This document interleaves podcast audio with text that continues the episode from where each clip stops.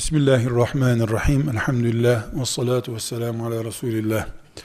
Değerli kardeşlerim, başlıklar halinde peygamber vekili olma aleyhisselam standardını koruyabilecek özelliklere işaret etmek istiyorum. Genel olarak e, bu ümmetin Kur'an'a en yakınlarının imam olacağını söyledik. Bir de bu ülkenin şartlarında özellikle ve genel olarak da e, vasıflı bir imam efendi olarak kalabilmek için birkaç başlığı öne çıkarmamız lazım. Birincisi değerli kardeşlerim, birinci, öncelikli, önemli, ilk sırada en acil olanı, bekar imamlık yapmamak lazım.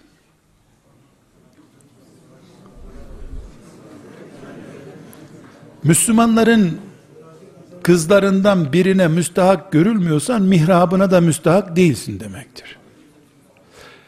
Fıkıhta bile arkadaşlar kim imam olabilir, öncelik kimdedir sorusunda dikkat ederseniz evli değil, hanımı güzel olan diye bir standart bile getirilmiş. Hele hele iffetin ayağa düştüğü bu zamanda imamın iffetle itham edilebileceği risk taşımaması gerekiyor. Bekar olduğu gibi risktir. Olduğu gibi risktir. Kötüdür demiyorum. Risk başka şey, kötü başka şey. Arkadaşlar, kadın ve evlilik konuşulunca salonlar hep canlanır ne hikmetse. Ama realitemiz bizim 11 kere nikah kıymış bir peygamberin vekilisin sen diye başlıyor. 11 nikah kıymış kendisine. 10 günüm kalsa bu dünyada onu bekar olarak geçirmem diyen Abdullah İbni Mesud Hanefi mezhebinin başı kabul ediliyor. Elbette fıkıh olarak bekarın namazı caiz değildir diye bir söz yoktur. Böyle bir şey yok. Ama biz cami imamlığını geçmiştik. Müminlerin imamı olmayı konuşuyorduk. Birinci bölümde bunu konuştuk.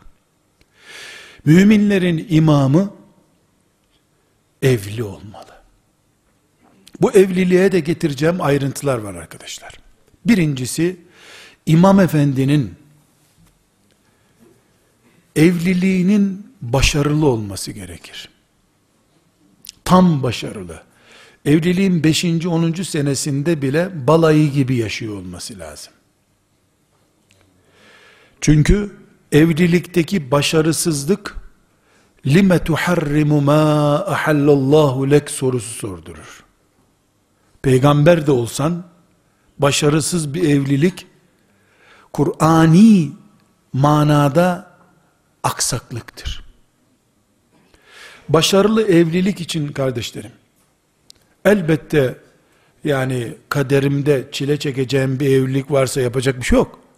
Ama yatırım yaparken evliliğe, bekar olan kardeşlerimin için muhakkak bunu söylüyorum. Öbürlerinin de, değiştirme şansı kalmamıştır ama müsaade ederseniz sizi ben siz olarak değil, sizden sonrakilerin de sizi olarak görüyorum. Siz inşallah daha bu sözlerden daha iyisini aktaracaksınız. Bu işin kamuoyusunu oluşturacaksınız inşallah diye özellikle söylüyorum. Kardeşlerim, İmam Efendi kendinden zengin, kendin düzeyinde diplomalı biriyle evlenmemeli. Arkadaşlar, hoca efendi ve doktor, herkesin karşısında böyle durduğu insandır.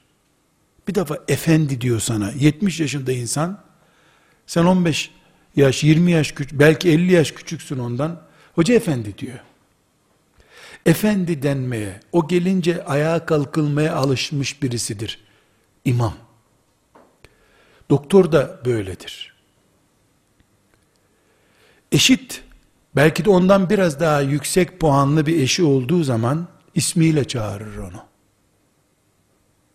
Ahmet, Ahmet Hoca diye çağırır. 10 dakika önce camiden çıkarken bembeyaz sakallı 80 yaşında bir dede hoca efendi bize dua buyurun demişti. Şimdi bir kadın Ahmet hoca gidiyoruz mu babamlara diyor. Bu sözler alttan oyar evliliği. Hafız mısın? Hafız olmayan bir hanım kızla evlen. İlahiyat mezunu musun? İmam hatipli bir kızla evlen. Senden bir alt puan olsun. Er-ricalu kavvamune alen nisa kaidesine uygun olan budur. Haram değil. Senin diplomanın muadili olan hatta sen ilahiyat mezunusun, doktora yapmış bir bayanla da evlensen caizdir. Senden 20 yaş büyük bir bayanla evlensen de caizdir. Sen bekarsın, dul, 8 çocuk annesi bir kadınla evlensen bu da caiz. Caizlikten söz etmiyorum ben. Mihraba geçerken lime tuharrimu ma ahallallahu lek ortamına seni taşımayacak bir evlilikten söz ediyorum. Zengin kocaya tenezzül etmeyecek bir kızla evleniyorsun. İki de bir sana maaşına zam yapmıyor devlet değil mi diye alttan alttan duyuruyor sana. Bu çok önemli arkadaşlar. Evliliğimizin muvaffakiyeti için evlenirken dikkat etmek lazım. Er-ricalu kavvamun alen nisa. Rabbim bu kanunu koydu. Kim kendisi bir kadın erkek yaratırsa o da bir kanun koysun. Muadilun alen nisa diye bir ayet uydursun o zaman. Yaratan böyle koydu. Kavvamun alen nisa. Bitti. Ya dünya yıkılacak, yeniden yaratılacağız. O zaman yeniden bizi yaratanlar yeni kanun koyacak. Ya da bu dindir, kanundur, beşeriyettir bu.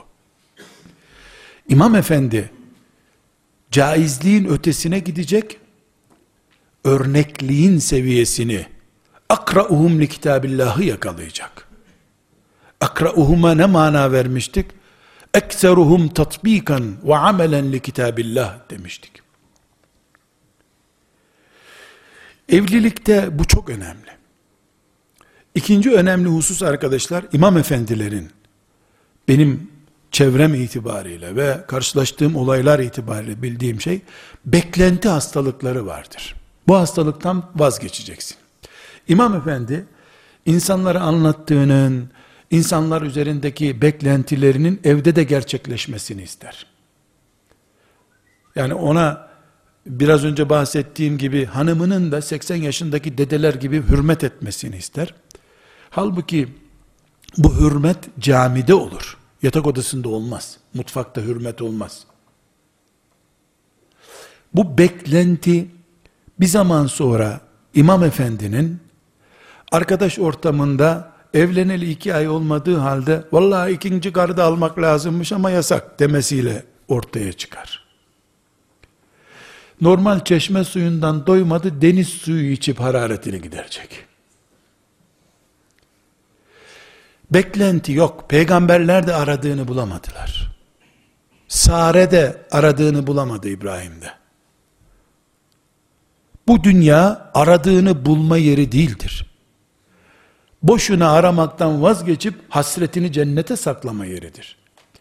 İmam efendi hanımı ve çocukları üzerinde peygamberlerin beklediği kadar beklenti içinde olacak ama hayalci olmayacak. Rabbim ne nasip ederse o olur diyecek. Aksi takdirde kendi kendine kanser eder imam. Tekrar birinci paragrafıma dönüyorum. Arkadaşlar imam efendi bekar olmamalı evliliği muvaffak bir evlilik olmalıdır. Bu muvaffakiyetin ayrıntılarına uzun uzun girmem gerekmiyor. Ama imam efendilerin mesela taktik hatalarından birini örnek olarak vereyim. Sen cuma vaazında, düğünlerde, cenazelerde imam efendi olarak izleniyorsun. İnsanlar senin aile dünyanı çok merak ederler.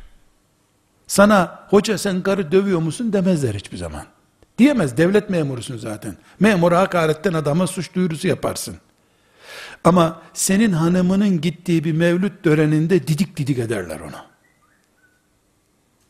senin ağzından duyduklarını hanımının üzerinden test ederler. Çocuklarının ağzını yoklarlar.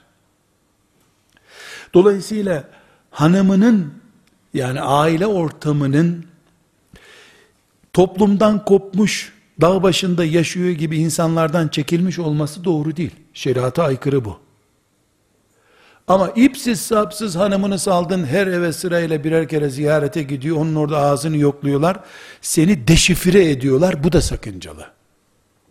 Hanımın senin vitrinindir. Evlendiğin zaman veya mevcut evliliğinde aile sarsıntın ortaya çıkar. Mesela sen insanlara bir şeyler anlatıyorsun, kıs kıs bıyık altından gülüyor adamlar. Çünkü dün onların hanımları senin hanımının ağzından operasyonlar anlatmış aslında. İlk soruları, hoca çocuk dövüyor mu? Çocukları dövmüyor değil mi? Hoca seninle yemek yiyor mu kadın? Kendi kocalarından gördükleri işkencelerin, hataların veya bulamadıkları temennilerinin hocanın karısı açısından nasıl olduğunu merak ederler. Onurlu imam, bu ümmetin müminlerinin imamının karısı ölür ağzını açmaz olmalı ama bu nasıl sağlanır bunu bilemiyorum. Çok zor sağlanması. Bu kontrolü despotluğa dönüşmeyecek şekilde imam efendi sağlayacak. Kadını hapsedersen zaten başka propagandaya gerek yok. Hoca karısını kilitlemiş. Bir de uydururlar, karısından şüpheleniyormuş, onun için salmıyormuş dışarı. Gittin sen zaten, o da zulüm. Ama aynı şekilde ne konuşuyor ne ediyor haberi yok, o da zulüm. Ben sadece basit bir örnek vereyim. Bir hoca efendi, hanımı filan mevlüte, filan törene, filan akraba ziyaretine gitti, geldi. Yemek yerken, filancının karısı çocuğunu aldırmış, şöyle olmuş diye nakliyata başladığında haber nakliyatın ağzını kapatmalı. Bu evde başka bir Müslümanın karısıyla ilgili bir şey anlatma bana. Bunu üç defa tatbik ettin mi, anlatınca da protesto edip öbür odaya geçtin mi, o da senin sırrını kimseye anlatmaz. Bol bol dinliyorsan, bol bol da dinleniyorsun demektir sen. Sen milletin karısının sırlarını dinlersen senin karın da başkasının kulaklarına bu sırları dökecek demektir. Yani hoca efendi elbette yüzde yüz her şeye hükümran olamaz. İradeleri zapt edemez. Ama gerekli tedbirleri, ön tedbirleri alabilir. Birinci paragrafımın özeti, muvaffak bir evlilik yapman lazım. Bekar mihraba geçme. Hiçbir zaman bekarken mihraba geçilmesi uygun olmayan zaman yaşandı bu dünyada. Hiçbir zaman bu böyle iyi değildi. Şimdi ise bekarın mihraba geçmemesi gereken en tehlikeli zamanları yaşıyoruz. İkinci paragrafım değerli kardeşlerim, İmam Efendi töhmet olacak şeylerden uzak duracak. Genel olarak Müslüman töhmetten uzak durur zaten. İmam Efendi para, kadın ve etnik sorunlarla ilgili şeylerde hiçbir şekilde töhmete yakın durmayacak. Camiye para mı toplanıyor? Sen ne say, ne tut, ne gör, ne de para sesi duy. Görevli yapsın, senin önünde saysın, kanun gereği sen imzala. İmzalanmış şeyleri al. İmzalanmamış şeyi alma. Ben bu parayı müftülüğe götüreyim sana makbuzu getiririm deme hiçbir zaman. Ya 100 lira verdik 100 liralıktan makbuz getirdim öbür gün. 24 saat sende o para durdu. Töhmettir bu. Töhmete müsait bir ortamdır. İmam efendi paraya tutmayacak. Parasını saydığın insanlar senin üzerinde laf sayıyorlar sonra. Kürsü, mihrap ve minber bu töhmeti kaldıramıyor. Halvet haramdır dediğin bir din yaşıyorsun sen caminin imam odasında bir hanımefendiyle bir arada iki dakika durma. Buyurun hanımefendi ben çok bunaldım havasızdı burası ne anlatamayacağım bir ortamsa git caminin dışında görüş. Çünkü Resulullah sallallahu aleyhi ve sellem onca büyüklüğüne ve müsellem iffetine rağmen yabancı değil ha hanımım Safiye, bakın bir şey gelmesin aklınıza diye söyledi değil mi? O peygamberin vekilisin sen. Kadın, para ve siyaset ve etnik sorunlar gibi konularda İmam Efendi töhmetten uzak duracak. Yani elektrik çarpmasından korktuğu gibi töhmet çarpmasından da korkacak. İnsanlar hem gelir sabah namazını arkanda kırarlar hem de açar ağızlarını yumarlar gözlerini öbür gün gene gelir sabah namazı kılarlar. Sen de arkamda saf oldular zannedersin. Halbuki arkan, arkanda istihbaratçı gibi saf oldu onlar. Herkes bir şey kapmaya çalışıyor senden. Sen din anlatırken de zayıf birisisin. Selam verildiğinde de zayıf birisisin o zaman.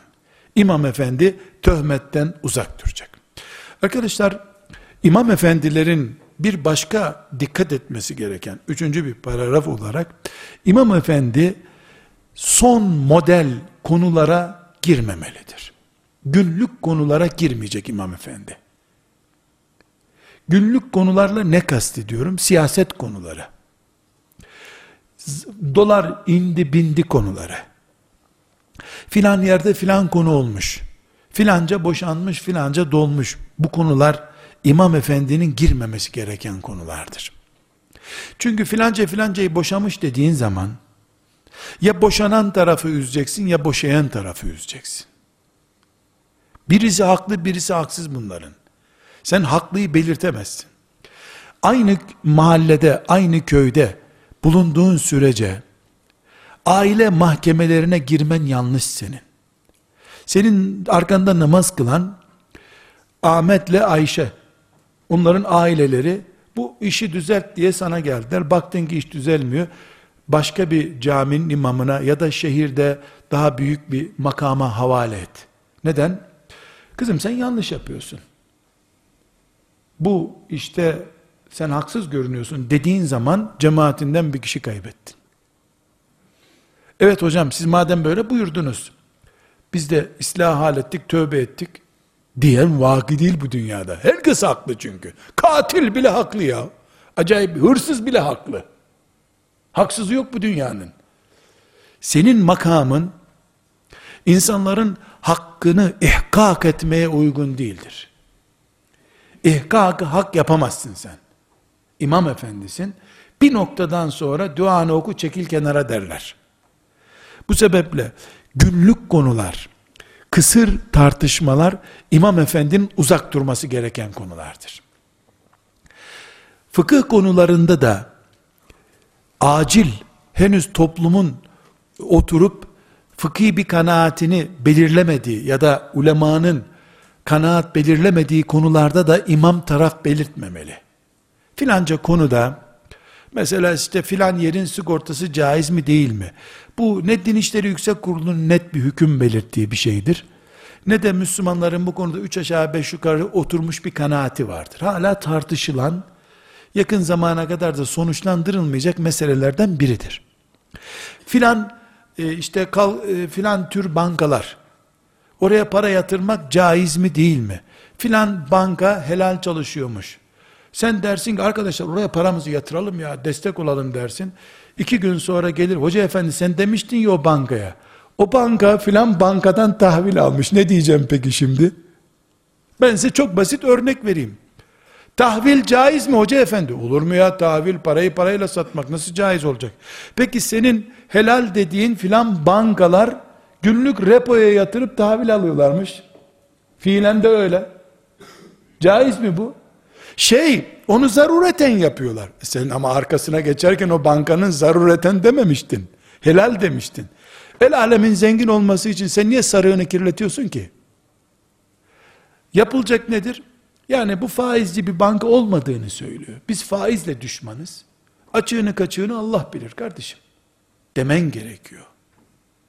Çok önemli arkadaşlar. Günlük konular, ticari konular, siyasi konular, etnikleştirilmiş konular, İmam Efendi'nin girmesi gereken konular değildir hatta tehlikeli konulardır. Bir başka konu kardeşler, Türkiye e, devletinde yakın zamanlara kadar sadece Şafii ve Hanefi mezhebini taklit eden e, müminler vardı. Şimdi ise bu Hanbeli mezhebinin de taklit edilen mezhepler arasına girdiğini görüyoruz. Epey de bir taklit ediliyor. Yani hiçbir sakıncası yok. Çünkü biz e, Kur'an'a tuttuğumuz günden beri dört hak mezhep deniyor. Haklığı iptal edilmiş mezhep haline gelecek yok Hanbeli mezhebinin herhalde. Ama gençler bunu bilmem şu sebepten bu sebepten dolayı taklit ediyorlar. İhlaslı değiller. E bil, kalp röntgencisi değiliz. Ne bileceğiz ihlas için mi tatbik ediyorlar bunu? Böyle bir yorum yapamayız biz.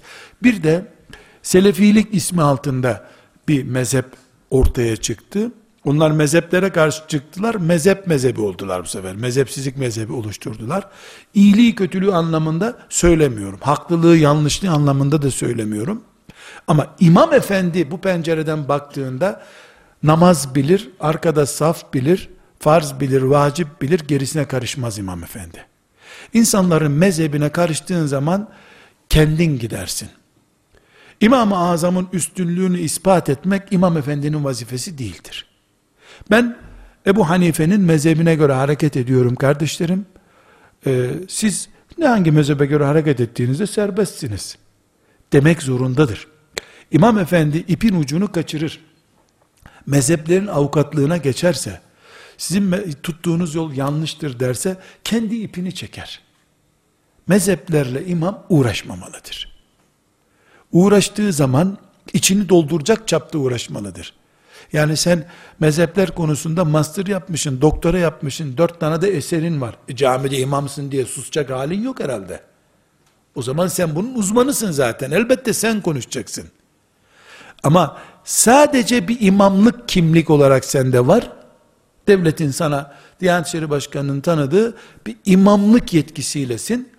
Ee, İmam-ı Azam bu meselede haklı diyemezsin arkadaşlar. Dediğin zaman sen fitne nedeni olursun.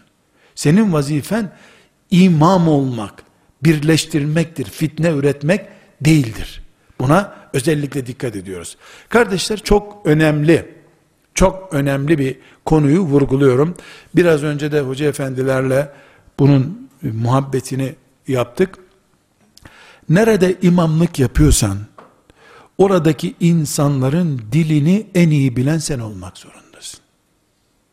Çünkü, sen Kur'an'ın okuyucusu bir hocasın. Kur'an'ın da en büyük iddiası nedir? A'cemiyyün ve Arabi yabancı dil mi bu? Yoksa sizin orijinal diliniz mi? Kur'an tahaddisini yani meydan okuyuşunu dil üzerinden yapıyor. Ha getirin bir sure bakalım. Yapamadınız mı? Hadi bir ayet getirin. Ha getirin bir ayet diyen bir kitabı okuyorsun sen. Kur'an bunu kime söylüyor? Arapçada edebiyat fuarları yapmış cahiliye toplumuna söylüyor. Kur'an'ımızın ebedi mucize oluşu dil üzerinden başlıyor. Eğer sadece Arapça konuşulan bir köyde isen, sen Kur'an'a hizmet etmek için beli Arapça bilmen lazım. İrap hatası yapamazsın sen. Yoksa Kur'an'a hizmet edemezsin. Kur'an'ın çıkış mantalitesine aykırısın sen zaten. Kur'an gönülleri mest eden iddia ile geldi. Hoca efendi kürsüye çıktığında insanların anlamadığı uyduruk bir dille devrik cümlesi bozuk bir dille ya da tedavülden kalkmış sadece Osmanlıcadır diye tedavülden kalkmış bir dille konuşursan Kur'an mantalitesine ters bir şekilde o kürsüde duruyorsun sen. Sen İlmuhal kitabından önce 5-10 tane roman okuyup Türkçeni düzelt önce. Kürt Müslümanların bulunduğu bir köydeysen iyi bir Kürtçe Zazaca öğren. Veya Gürcü Müslümanların bir köyünde bulunuyorsan Gürcüce öğren. Neden? Ya da hiç konuşma. Sus. İşaretler yap. Ya anlasınlar sen sağırsın sadece Kur'an okuyabiliyorsun, dilsizsin. İstemesinler senden bir şey. İmam efendi bir arkasındaki insanların konuştuğu dili konuşacak. Yoksa tayinini öyle bir bölge isteyecek. İki, arkasındaki insanların sözlüğe muhtaç olmadan anlayacağı dili konuşacak. Hoca efendi bugün vaaz edecek, Türkçe Dil Kurumu'ndan bir sözlük kolunu alıp vaaza mı gidecek insanlar? Sadece sen medrese okuduğunu hissettirmek için tercüme yapıyormuş edebiyatıyla kelimenin mastarını kullanıyorsun. Maşallah ne kadar güzel vaaz ettin oluyor. Kürsü Arapçadan Türkçe'ye tercüme etme yeri değildir. Kürsü insanlara din anlatma yeridir. Eğer insanlar sözlükle o kelimeyi anlayacak kadar yabancıysalar o dile sen o zaman kellimun nas ala kadri ukulihime aykırı davranıyorsun. Türkçe bilecek, Türkçe bir yöredeyse, Türkçeyi en iyi konuşan olacak. Bir kere konuşacak, insanlar o konuşmanın belki üçte birini slogan gibi eve taşıyacaklar. Hepinizin bildiği bir hakikati konuşalım. Hoca efendi bugün vallahi çok iyi vaaz etti. Deme ya. Ne anlattı? Ne, ne hangisini diyeyim ki adam neler anlattı maşallah ya. Ya ne anlattı? Adam fırtına gibiydi ya. Ya tamam da bu fırtına hangi rüzgarın çeşidiydi yani? Samyeli miydi? Ne esticam? Vallahi ne diyeyim aklımda bir şey kalmadı ama adam çok konuştu maşallah. Islık mı çaldı kürsüde adam? Bu hususta Diyaneti de tenkit ediyorum. Hutbe gönderiyor. Sultan Ahmet'te bu hutbe okunuyor. İstanbul'un banliyosunda okunuyor. Van'ın köyünde okunuyor. Cümle, Türk halkı 24 karakterden sonra bilemedin 30 karakter yani 30 klavyede ki her bir tık tık bir klav bir karakter kabul ediyor. 30 karakterden sonra toparlayamıyormuş cümleyi. Normal olan da bu zaten. Şair değil ki insanlar. Edebiyat fakültesi mezunu değil bu insanlar. Yani yaklaşık bir buçuk satır, iki satırlık bir cümleyi dizebiliyor. Hutbede okuyor hoca efendi. Değerli müminler, yerleri gökleri yaratan Rabbimiz, kıyamete kadar eşsiz mucize olan Kur'an'ında, üç satırlık bir ayeti okuyor, buyurmaktadır diyor sonunda.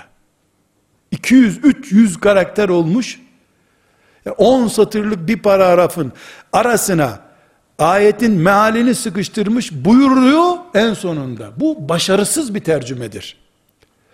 Yüce Allah buyuruyor ki de bir irkilsin insanlar ne buyuruyor diye seni merak. Buyuruyoru en sona taşıyorsun. Anlamasanız da olur bu ayetin mealini demek istiyorsun. Hani müezzin uyuşuk uyuşuk hayyale salah deyince gelmeyin namaza diye diyor ya onun gibi hutbe okuyorsun sen. Gelmeyin namaza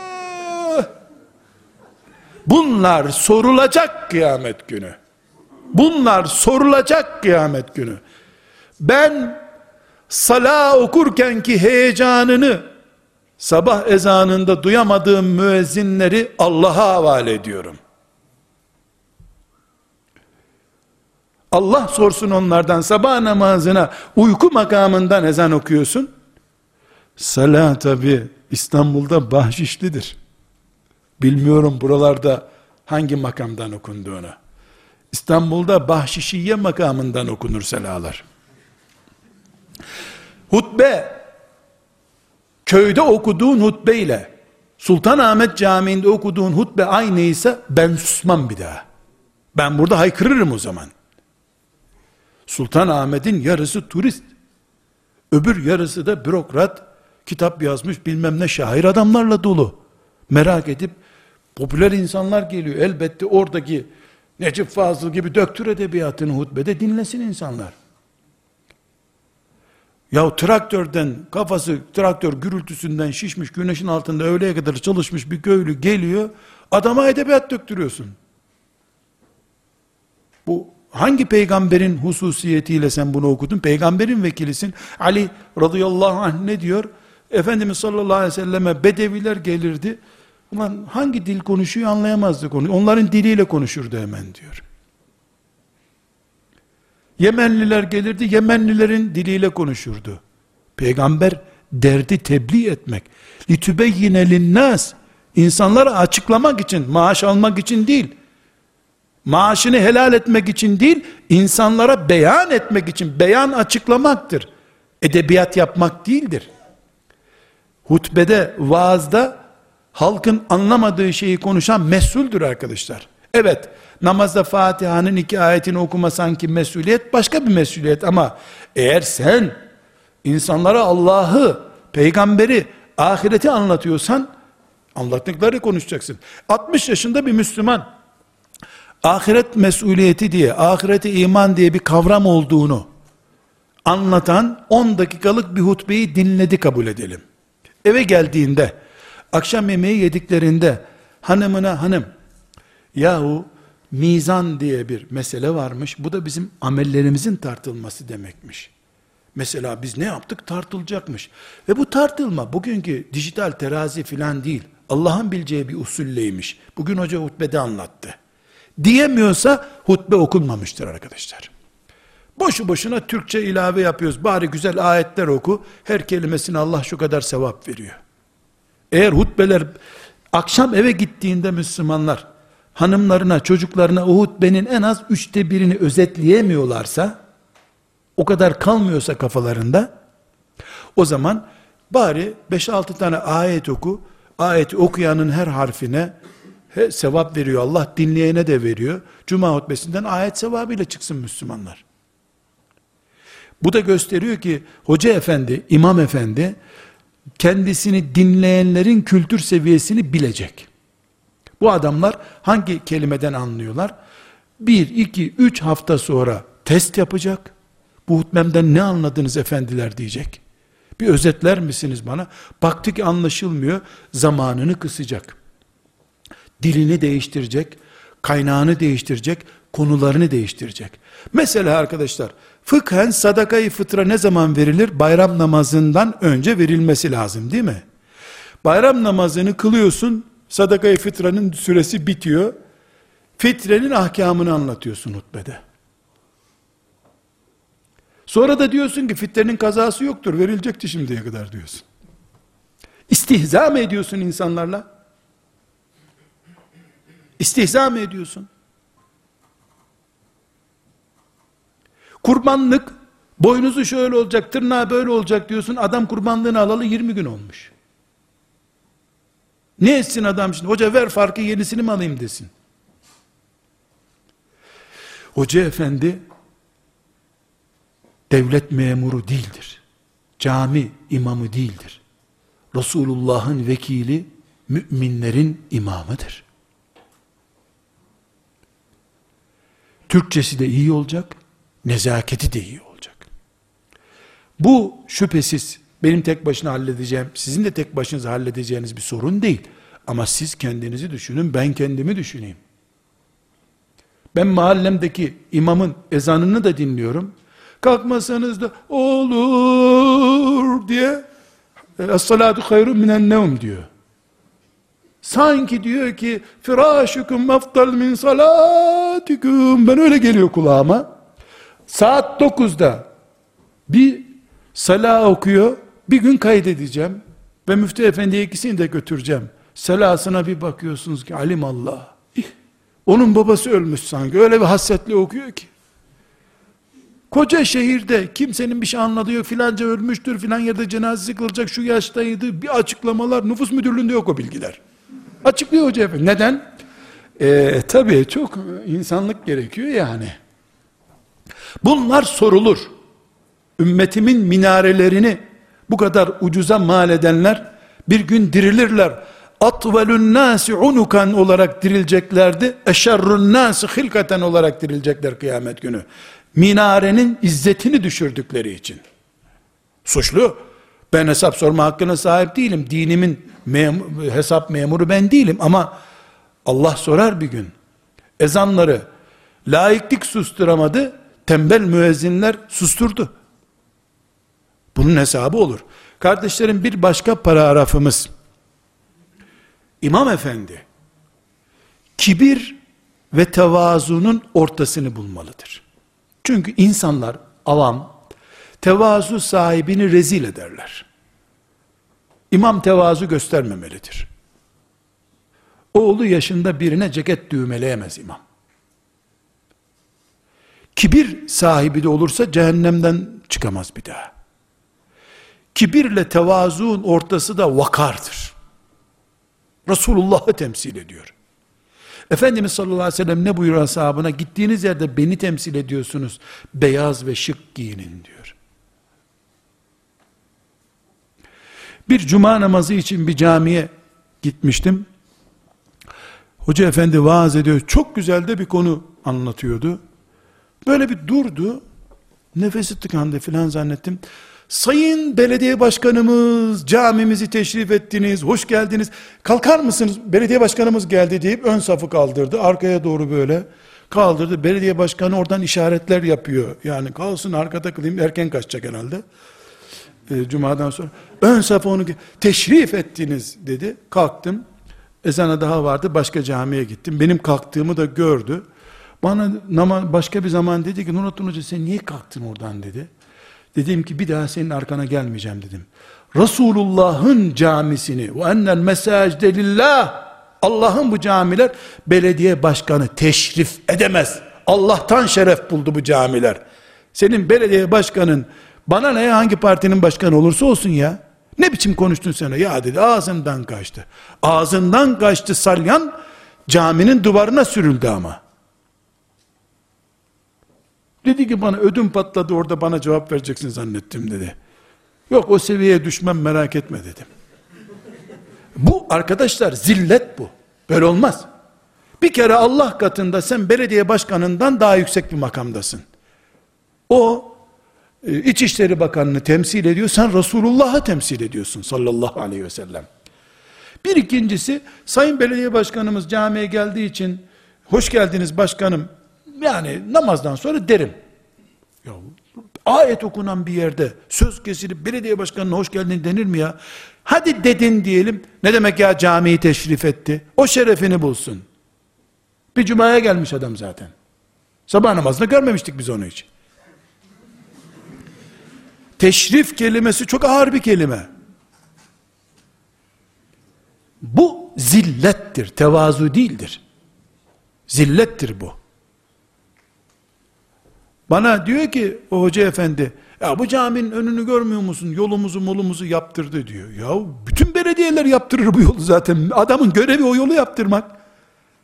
İşte buna bir kere belediyede izzet itibar yapmışlar ya, tamam bedelini ödüyor. Din üzerinden ödüyor bedel ama. Kibir de haram. Kibir de haram. Zillet de haram. Resulullah'ın makamında böyle olacağız. Bir gün bir hatıramı nakletmek isterim. Mahmut Efendi diye bildiğimiz Çarşamba İsmaila Camii'nin imamlarından Allah sıhhat ve afiyetine zeval vermesin. Mekke'ye gelmişti. Bana dedi ki Nurattin Hafız Alevi Maliki'yi ziyarete gidebilir miyiz dedi. Olur hocam dedim. Ben ayarlayayım dedim. Ayarladım. O vefat etti. Alevi Maliki dediğim vefat etti. Rahmetullahi aleyh. Suudi Arabistan'da tarikat çalışması yapabilen nadir insanlardan birisiydi. Mekke'nin dış kısmında bir medresesi vardı. Bir gün beraber gittik. Bu salondan hemen hemen daha büyük bir salonda önde oturmuş El Ba'isül Hasis isimli usulü hadis kitabını okuyordu. Bir 150 tane de talebesi var. Biz en arka kapıdan girdik. Bizi böyle gördü. Hiç bozuntuya vermedi. Derse devam etti. Hoca efendi de Mahmut efendi de sellemehullah e, dedi ki Nurattin hemen çökelim burada dedi. Biz de en arkada çöktük. Hoca efendi bir 15-20 dakika kadar daha ders yaptı. Dersi bitince hoca efendinin e, yani El Ba'ithül Hasis kitabından bir bölüm okuyorlardı. O bölümü bitince e, mikrofonu eline aldı, ayağa kalktı. Çok böyle iri yarı, heybetli bir zat. Allah rahmet eylesin. Ayağa kalktı. Dedi ki, gençler dedi, bu cümleye dikkat ediniz şimdi. Biraz önceki camideki teşrife bakın, bir de buna bakın. Gençler dedi, biz ders yaparken dedi içeri, bu asırda Allah'ın ayetlerinden bir ayet olan İstanbullu Mahmud diye biri geldi dedi. Şöyle şeyh böyle bir zattır dedi. O içeri girdiğinde biz Resulullah'ı konuşuyorduk. Onun için ona hoş geldin demedim dedi. Resulullah'ın adı anılırken kimseye hoş geldin diyemeyiz dedi. O hadis dersimiz bitti. Şimdi gidip elini öpmem lazım benim dedi. Şimdi ona geldi sıra dedi. Kalktı. Bizim bulunduğumuz yere doğru geldi. Hoca efendi de kalktı. Biz ona doğru gittik. O onun elini öpmeye çalıştı. O onun elini öpmeye çalıştı. Bu sahneyi hiç unutamıyorum. Allah'ın ayetlerinden bir ayet diye takdim etti Mahmud Efendi'yi. Tarikatlarının benzerliğinden şundan bilmiyorum. Ben gördüğüm cümleyi anlatıyorum. Bu tarif etti. Sonra da Resulullah'ı konuşurken ona hoş geldin diyemezdim dedi. Bu kibirle zillet arasında, tevazu kılıklı zillet arasında ortadaki bir denge. İmam efendi bu dengeyi sağlamalı. Çok önemli. Bilhassa hanım cemaate hitap ederken imam efendilerin aldığı kılıklar utandırıcı arkadaşlar. Keennehu yani maaşını onlardan alsa diyeceğim ki yani mecbur ne yapsın maaşa zam yapmayacaklar. Bir defa yani imam efendi bulunduğu makamın heybetini koruyacak. Artı kıs kıs gülüyor bunlar seni dinlerken. Hitapta ve beklentide dengeli olmak gerekiyor. Şimdi tesbih namazı diye bir namaz var. Bunun cemaatte kılınması bidat Hanefi mezhebine göre. Bunu da incelemiyorum. Yani bidatse bidat yapıyor diyorum. Fakat görüyorum üç kişi gidiyorlar sakallı hoca efendi bir kıldır bize bu tesbih ama ya bizim mezhebimize caiz değil bu diyor.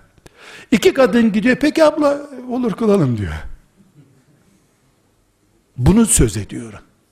Ya din kadına göre farklı mı? Bidatsa ona da bidat.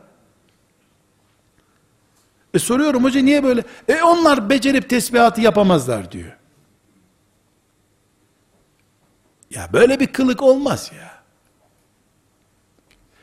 İmam efendilik hak ederek efendi olmuş birisidir. Bu efendilik payesini, enerjisini de Resulullah sallallahu aleyhi ve sellem'den alıyor. Peygamberimizin makamı lekelenmemeli arkadaşlar.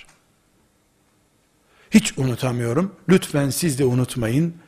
Ayetlerden bir ayetti. Yani güçlü Allah dostu manasında herhalde bunu kullandı. Ama Resulullah'ın hadisini okuyorduk. Ona hoş geldin diyemezdim dedi.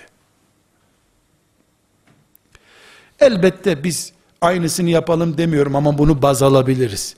Böyle bir ölçüyle yola çıkabiliriz. Kardeşlerim, imamlık özellikle bu asırda başımıza gelmiş musibetlerden birisi olarak bir sorun daha barındırıyor. Anne ve baba duası almamış insanlar peygamberin mihrabında da lanetlidirler. İnsanlar evlat baba ilişkilerini imam üzerinden test ederek babası ile konuşmayan sıla rahimini babasında değil, başka yerlerde değerlendiren, tatilinde önce babasına gitmeyen, yahut da üç senedir bu köyde imam hala babası gelip bunun evinde üç gün kalmadığı çok iyi değerlendiriyorlar. Sen hukukul valideyn diye bir bab açıyorsun vaazda. Hoca efendi üç senedir baban sana hiç gelmedi diyorlar. Boşuna konuşuyorsun. İmamlığın benim tespitlerimdeki en bereketsiz ya da bereketsizliğin en öncelikli nedenlerinden biri zannediyorum, hoca efendiler anne babalarını çok ihmal ediyorlar. Yani abdestsiz namaz kıldırmayacağın gibi, imam efendi anne babası duası olmadan da yola çıkmamalı. ebeveynlerinin razı olacağı bir hayatı öncelikle onlar yaşamalıdırlar. Bu hep gözden kaçıyor. Çünkü kanunen gereken bir şey değil. Kimsenin hesabını sorduğu bir şey değil. Ama rıdar Rab fi rıdal valideyn. Ana baba razı olmadıkça Allah rıza göstermiyor. Gizli kanser türlerinden biridir mihraplarda bu. Mihrabı mermerlerini düşüren sorunlardan biri olarak karşımızda tutuyor. Bu sebeple kardeşlerim, özellikle anne baba duasına önem vermeyi imamlar olarak, müezzinler olarak tembih etmek istiyorum. Bir başka sorun imam efendiler açısından kardeşlerim. Ses Allah'tan gelen bir nimettir. Uyduruk taklit imama yakışmıyor. Lütfen metli lazım dışındaki metleri uzatma Allah'ını seversen.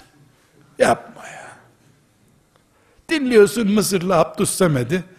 Ulan sen Ağrılı Abdüssemed bile olamazsın. Boşuna ne taklit ediyorsun adamı ya. Boşuna ne taklit ediyorsun?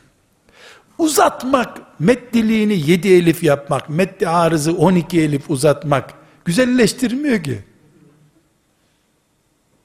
Boşuna uğraşıyorsun. Ya kardeşim bunu yapma. Rabbimin sana verdiğine ben razıyım. Sesin güzelse Allah'tan utan onu bize dinlet biraz. Sesin güzel değilse ne varsa onu oku. Tecvide göre oku. Sana gülenin dili kopsun. Tecvid hatası yapma. Enteresan uzatmalar, cazlı bazlı okuyuşlar yakışmıyor. Kardeşlerim, bir imam zamm-ı surede teganni yapar mı ya? Namaz bu kardeşim. İmamlar iki türlü teganni yaparlar. Birincisi bizim hoca hepten boş hoca değil ha maşallah. İkincisi de bir buçuk satır zamm-ı okuyacağı için uzatması lazım biraz. Bizim hoca çok çabuk kıldırıyor derler yoksa. Yani çünkü bildiği 20 satır toplam zamm-ı sure var. Yatsıda birini sabahta bir üç satırını okuyacak. Bakıyorsun ki imam efendi gunneleri dört elif. İdgamlar sekiz elif. Uzuyor. Ne yapıyorsun hoca efendi sen? Olmayan şey gösterilmez. Olmayanı gösteren hadis-i şerif ne buyuruyor? Kendisinde olmayanı var gösteren yalan elbise giyen birisi gibidir diyor. Çıplaksın elbisen var zannediyorsun. Ceketini düzeltiyor sana. Ceket yok üstünde ceketi düzeltiyor. Hadis-i şerif ne buyuruyor? Olmayanı gösteren yalan elbise giyen gibidir. Yok dün gömleğin yok ki neyi düğmeliyorsun? Ses çirkinliği diyelim ya da güzel olmayışı ayıp değil. Allah'tan gelme. Tecvid bilmemek çok ayıp. Ayn ve gayn harflerini bilememen çok ayıp. Rahim yerine Rahim demen çok ayıp. Suç. Ra harfinin üstünün esresi gibi ince okuman çok büyük suç. Bu hata. Rabbimin vermediğini senden kim isteyebilir? Namaz ses gösteri yeri değildir. Hatta fıkıhta sizler de biliyorsunuz. Mübalağalı tecvid mekruhtur namazda. Tecvid bile olsa. Çünkü namazdaki huşuğa engel olur. Eğer cemaatten birisi senin sesinden dolayı namazda ahenk yakalıyorsa sen namazı bozdun demektir. Bu hususta seste gereksiz tatbikata israf olarak bakmak zorundayız. Enerji israfı, şahsiyet israfı. Yani senin sesin Allah'tan geldiği gibi güzeldir. Gereksiz harcamaya israf olarak bakıyoruz. Bir başka husus İmam Efendiler açısından kardeşlerim. İmam Efendi'nin İbn Abidin'deki filan meseleyi bilmemesi ayıp değildir. Ama ta'dili erkanı bilmemesi cinayettir. Ta'dili erkan ne demektir dendiğinde yani İmam Hatip'te bir hoca anlatmıştı. Çok önemli bir meseleymiş o. nedir? Çok önemliymiş. Böyle bir cevap olmaz. Tadili erkan mesela biraz önce kıldığımız namazda tadili erkan İmam-ı Azam'a göre yoktu. İade edilecek kadar da değildi, tadili erkan da yoktu. Dimdikten sonra Subhanallah diyecek kadar yaklaşık iki saniyedir. En asgari iki saniye beklemek gerekiyor. Yani imam efendiler her tadil erkandan dolayı bir namaz cinayetine bulaşırlarsa maazallah arkasında 20 kişi varsa 20 namaz eder bu. Biliyorsunuz namazın 12 farzı var ama Ebu Hanife 13 kabul ediyor bunu. Tadili erkanı namazın umdesi kabul ediyor. Şakaya alamayız bunu biz. İmam efendi El Behrur Raik'teki bir fetvayı bilmedi diye sorgulanamaz. Alim değil, müştehit değil. Ama iki secde arasında e, istiraha olduğunu bilmek zorundadır. Bu husus önemli. Kardeşlerim, benim şahsi kanaatim, tavsiyem, Diyanetin size nasıl yön verdiğini bu hususta bilmiyorum. Ben özellikle e, şahsi kanaatimi söylüyorum. Lütfen bunu özel Nurattin Yıldız'ın pratiği olarak bilin. Ama size müftülüğünüz, bağlı olduğunuz makam ne tatbik ettiriyorsa onu söyleyin eğer söylediğimin dışındaysa. Ben kıyamet günü Ebu Hanife neredeyse orada olmak istiyorum. Hanefiyim diyemiyorum. Hanefi demek tercih yapmak demek. Ben kim Hanefi mezhebini tercih etmek kim? Yani Ebu Hanife ile İmam Malik oturtacağım, tartacağım. Valla bu Ebu Hanife'ye aferin. 98. E, Malik bin Enes de 96 olduğuna göre ben Hanefiyim. Böyle diyecek bir konumda değilim ki. Talebelerinin talebelerinin talebesi olsam şükrederim. Hanefi olarak dirilmek istiyorum ama. Çok seviyorum İmam-ı Azam'ı. Çok ama. Sevgimi tartacak bir kantar da bulamıyorum. Bir beşer ne kadar sevilebilirse o kadar seviyorum. Ama bir camide camiyi Hanefileştirmenin caiz olmadığını düşünüyorum. Cami Resulullah'ın çünkü.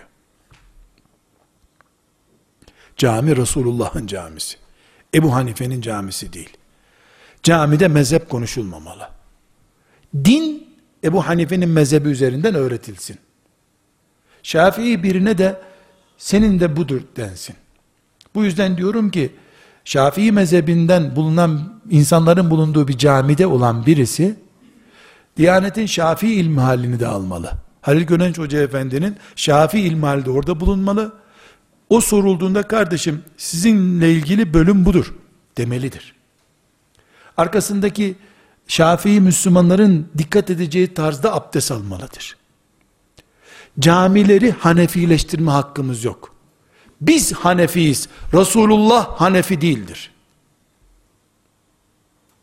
Eğer bu sözüm mezhepsizlik manasında algılanıyorsa ne edeyim hepimiz Rabbimizin huzuruna dikileceğiz. Kim mezhepli kim mezhepsiz göreceğiz.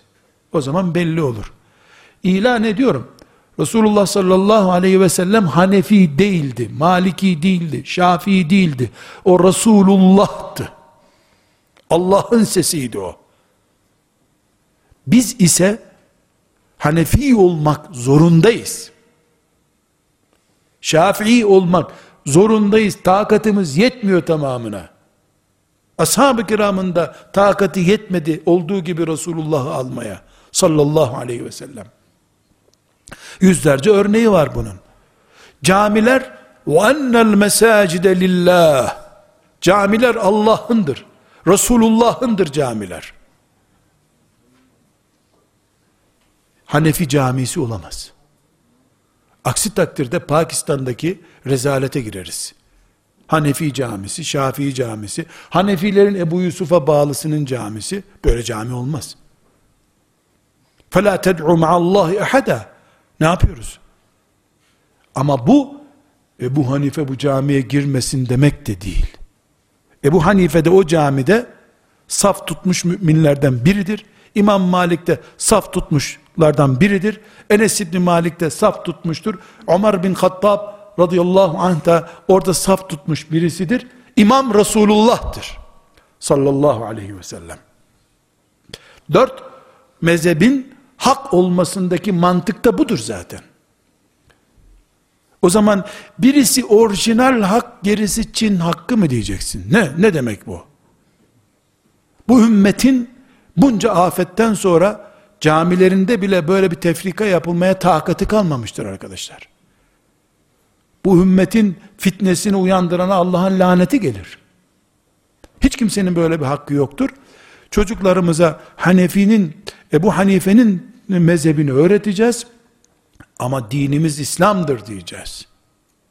Biz de Allah'ın kullarıyız. Muhammed Aleyhisselam'ın ümmetindeniz. Ebu Hanife'nin talebeleriyiz. Ebu Hanife'nin dini yok ki ayrı. Onun dininden olalım.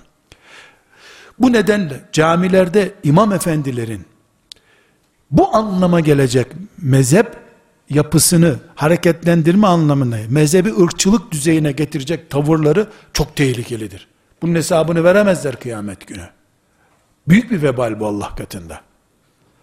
Ebu Hanife'yi İlahiyat Fakültesinde araştırma görevlisi zannedenler de Allah'tan bulsunlar. Yazık günah ya. Ümmeti Muhammed'in milyarlarının ibadette esas aldığı bir müştehidi İlahiyat Fakültesinde araştırmaya yeni başlamış bir görevli zannetmek, öyle takdim etmek, ee, yapmak bu Allah'tan utanın. Bu, bu da değil. Böyle de değil ama. O da değil, put da değil, acamca da değil. Allah'ın ona lütfettiği, ihsan ettiği milyonlarca, yüz milyonlarca müminin hocası bu. Ashab-ı kiramla aramızdaki trafo durumunda. Kaldıramadık ashab-ı kiramın ağırlığını. Allah Ebu Hanife gibileri, Malik bin Enes gibileri, e, e, Ahmet bin Hanbel gibileri, Muhammed bin İdris gibileri aramızda trafo olarak koydu. Allah onlardan razı olsun. Şöyle lokma yapıp dini ağzımıza gidiyor. Fırıncılar ekmeği pişirdiler. Anamız da dilim dilim yaptı ağzımıza koydu. Ebu Hanife anamız bizim fırıncının ekmeğini doğrayıp bize verdi. İşte bu kadar basit. Ekmeği o yapmadı ama. Ekmeği Enes İbni Malik yaptı. Ömer bin Hattab yaptı. Radıyallahu anhum cemiyan. İmam efendi bu konulara girmemeli, dolaylı olarak da bu çitin etrafında dolaşmamalıdır. Dikenli tellere yakalanır yoksa. Tehlikeli bir çit bu. İmam efendinin işi çok. Kardeşlerim, yine şahsi kanaatlerimden birini anlatıyorum. Bana göre insanların gönüllerinin yapılması diye bir şey yoktur bu dünyada. İnsanlar Allah'a bile teşekkür etmiyorlar. Yeter ya Rabbi diyen yok dünyada. Fudayl bin İyad, Hasan Basri varmış gitti onlar da bu dünyadan. Dolayısıyla gençlerle futbol takımı kurarak camiye kimsenin ısındırılamayacağını düşünüyorum ben. Kahveye gidip onlarla kağıt oynayanları seyrederek namaza kimseyi getiremezsin. Benim kanaatim bu. Ayet değil. Hadiste değil. Halebi Sağır'da da böyle bir şey görmedim. Kendi kanaatim. İnsanların düzeyine düşerek seviyelerini yükseltemezsin. Çünkü sen de yükselmesi gereken bir noktaya düştün. Düşük kaldıramaz. Düşmemiş birinin kaldırması lazım. Şeriat, Allah'ın dini arş düzeyindedir. Kahvehaneye indikten sonra o peşinden koşulan bir ideal olmaktan çıkar zaten. İmam efendi kibir olmadan, tenezzülsüzlük yapmadan hep en üstte olmalı. İnsanlar akşama kadar kahvede caminin önünde sandalyede beraber çay içtikleri birinin önünde ceket düğmelemezler. Hoca akşam çocuklar fena yenmişsin takımı. Kıyamet günü de biz yeneceğiz sizi mi diyecek? Ne cevap vereceksin buna? Akşam çocuklarla maç etmişin. Ne diyeceksin şimdi? Görürsünüz kıyamet günü Allah'ın terazisinde o goller tartılsın nasıl offside olduğu ortaya çıkacak. Niye gülüyorsunuz arkadaşlar? Ne cevap verecek hoca efendi? Ya da diyecek ki helal olsun hakkımız canım ne yapalım biz de işte Tebuk gazileri olarak mutegazileri olarak geri geldik. Hasbunallahu ve ni'mel vekil. Yetimin saçını okşamak, dula hizmet etmek, yaşlının gidip taharetini yapmak, yatalak bir hastanın taharetini yapın. Ay Allah senden razı olsun. Bunlar başka şey.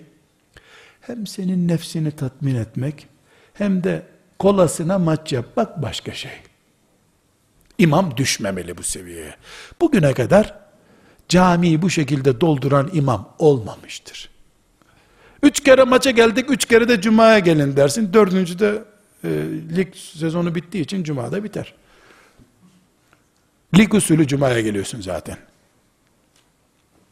İmam efendi heybeti, vakarı, tevazuu ve ciddiyetiyle zaten gönüllerde taht kurar. Yağdanlık yaparak imam insan kazanamaz arkadaşlar. Hiç mümkün değil. Kazandı filan bırak o işi ya. İnsanoğlu minnetsizdir. İnnel insane lezalumun keffar. Ve cehedû biha ve steykanetha enfusuhum. Kapasitesi insanın bile bile yok saymaktır. İmam efendi çaylar benden ha bugün kim içerse dememeli. Nereden buldun hoca bu paraları? Demek sen yontun milleti Yasinlerden dersin. Ama beş senedir bu köydedir Allah'ın bir kuluna çay ısmarlamamış. O da yanlış. Kardeşler hep sizin çayınızı içiyorum. Bugün mübarek perşembe günüdür. Dedemin ruhu için çayları ben ısmarlıyorum. Yap bu nezaketi. Bankör hoca bir yerden buldu hocadır o. Milletin gözünde. Sen Allah rızası için yaparsın. Ama insanlar öyle anlamak. Hoca efendi seviyesini düşürmemeli. Camisinden çıkmayan, kilisesine kapanmış papaz gibi de imam istemiyorum. Bu denge çok zor arkadaşlar. Ve son tavsiyem kardeşlerim, sözümü bitireyim ondan sonra. İmam efendi tıpkı ara sıra bedava olduğu için memurlara hastaneler gidip kan tahlili yaptırdığı gibi sağlık açısından yer yer bir hoca efendiye gidip bir baksana benim okuyuşum nasıl? Bozuldu mu tecvidim? Çaktırmadan bizim camiye bir iki gün gelsene bir bak düzgün kıldırıyor muyum? Demelidir. Kuluz çünkü. Ara sıra ağzın bozulmuş olabilir. Hitabetin bozulmuş olabilir. İnsanlar da gönlünü kırmamak için sana bir şey demezler ya da anlamazlar. فَفَوْكَ كُلِّ ذ۪ي عِلْمٍ alim. Muhakkak bir üstü var bunun. C'den B'ye geçtin, B'den A'ya geçtin. A'nın da üstü var. Ve fevke kulli zi ilmin alim. Muhakkak kendimizi test ettirmeliyiz. Bu belki de her imam efendinin bir emin müsteşarı olmasını da gerektirecektir. Ağabey mi dersin ama bununla amir memur ilişkisi olmayacak.